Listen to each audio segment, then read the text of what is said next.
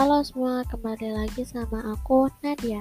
Kali ini aku ingin menceritakan kisah tentang Nabi Ishak alaihissalam.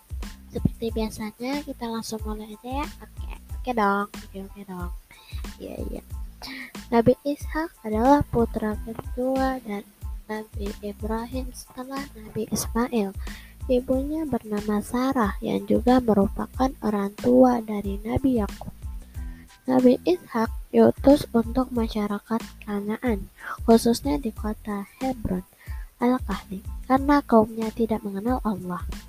Sebelum kelahiran Ishak, Sarah dan suaminya Ibrahim mendapat kabar gembira dari Allah melalui malaikat Jibril. Dalam pesan itu, malaikat Jibril menyampaikan pesan bahwa Sarah akan melahirkan seorang anak laki-laki bernama Ishak yang kelak akan menjadi seorang nabi. Namun, Sarah tersenyum karena merasa heran dan aneh. Dia merasa aneh karena tidak mungkin dia dan suaminya dapat memberi keturunan jika usia mereka sudah cukup tua, yaitu Sarah berusia 90 tahun dan Nabi Ibrahim 100 tahun. Ishak pun akhirnya terlahir di kota Kanaan pada tahun 1761 sebelum Masehi. Ishak merupakan anak kedua dari Nabi Ibrahim dan Sarah setelah Ismail. Bersama Ismail, ia menjadi penerus ayahnya yang berdakwah di jalan Allah. Ketika Ibrahim telah sangat tua, Ishak belum juga menikah. Ibrahim tidak mengizinkan Ishak menikah dengan wanita Kanaan karena masyarakatnya tidak mengenal Allah dan asing terhadap keluarganya. Karena itu, Ibrahim memerintahkan seorang pelayan untuk pergi, pergi ke Haraan, Irak dan membawa seorang perempuan dari keluarganya. Perempuan yang dimasuk itu adalah Rifkah binti Baitinal bin Nahur, saudara Ibrahim yang kemudian di, kemudian dinikahkan dengan Ishak. Namun, Ternyata ujian yang pernah menimpa ayah dan ibunya dialami pula oleh Nabi Ishak. Istrika, istrinya merupakan wanita mandul. Nabi Ishak pun terus saja berdoa kepada Allah. Ia lahir berkat keajaiban darinya. Maka bukan hal mustahil bagi Allah untuk memberi kembali keajaiban tersebut. Nabi Ishak dan istrinya terus berdoa dan harapan dan takwalah yang kuat. Setelah menanti penantian panjang, kejadian itu pun datang. Rafiqah hamil dan ternyata Allah memberikan anak kembar, ialah Ris atau Ainsyah dan Yakub. Betapa bahagianya Nabi Ishak. Ia dianugerahi dua orang putra di dua orang putra di usianya yang telah senja.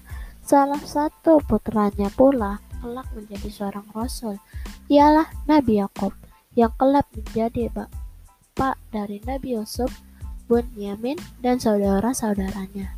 Dari nama anak-anak Yakub bin Ishak, inilah cikal bakal Bani Israel atau keluarga Israel disebut Israel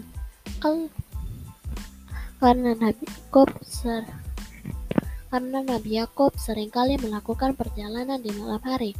Kelak dari Bani Israel, ini pula lahir sederet Nabi dan Rasul. Allah menyebut dan memuja ketika Nabi, yakni Ibrahim, Ishak, dan Yakub dalam berfirmannya. Dan ingatlah hamba-hamba kami. Ibrahim, Ishak, dan Yakub yang mempunyai perbuatan-perbuatan yang besar dan ilmu-ilmu yang tinggi.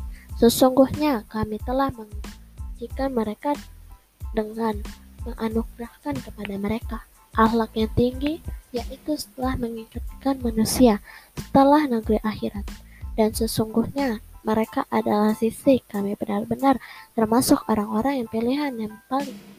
Surat Sya'ad ayat 45 sampai 47. Beliau diangkat menjadi nabi sesudah ayahnya. Beliau dikenal sebagai ahli ilmu dan hikmah. Ishak diutus Allah untuk berdakwah di wilayah Palestina. khususnya daerah Kanan dan Syam. Ishak meneruskan dakwah ayahnya, Ibrahim yang sudah tua. Seperti halnya nabi-nabi lainnya, maka Nabi Ishak pun diperintahkan untuk mengajarkan cara-cara sholat, puasa, zakat, dan haji, serta meninggalkan perbuatan maksiat pada kaumnya.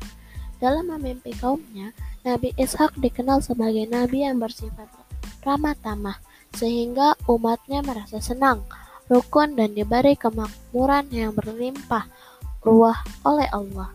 Setelah selesai dengan tugas kenabiannya dan sebagai utusan Allah untuk berdakwah, menegakkan agama Allah untuk kaumnya, beliau wafat.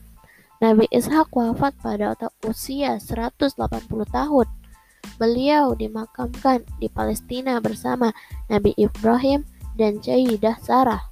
Jasadnya dimakamkan di Palestina, tepatnya di Gua Makfilah, Hebron atau Palestina sekarang.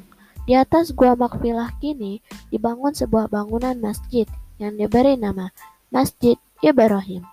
Di gua ini juga dimakamkan Nabi Ibrahim dan istrinya Siti Sarah, Nabi Yakub alaihissalam putri Nabi Ishak alaihissalam, Rafkah istri Nabi Ishak, dan juga Li istri Nabi Yakub.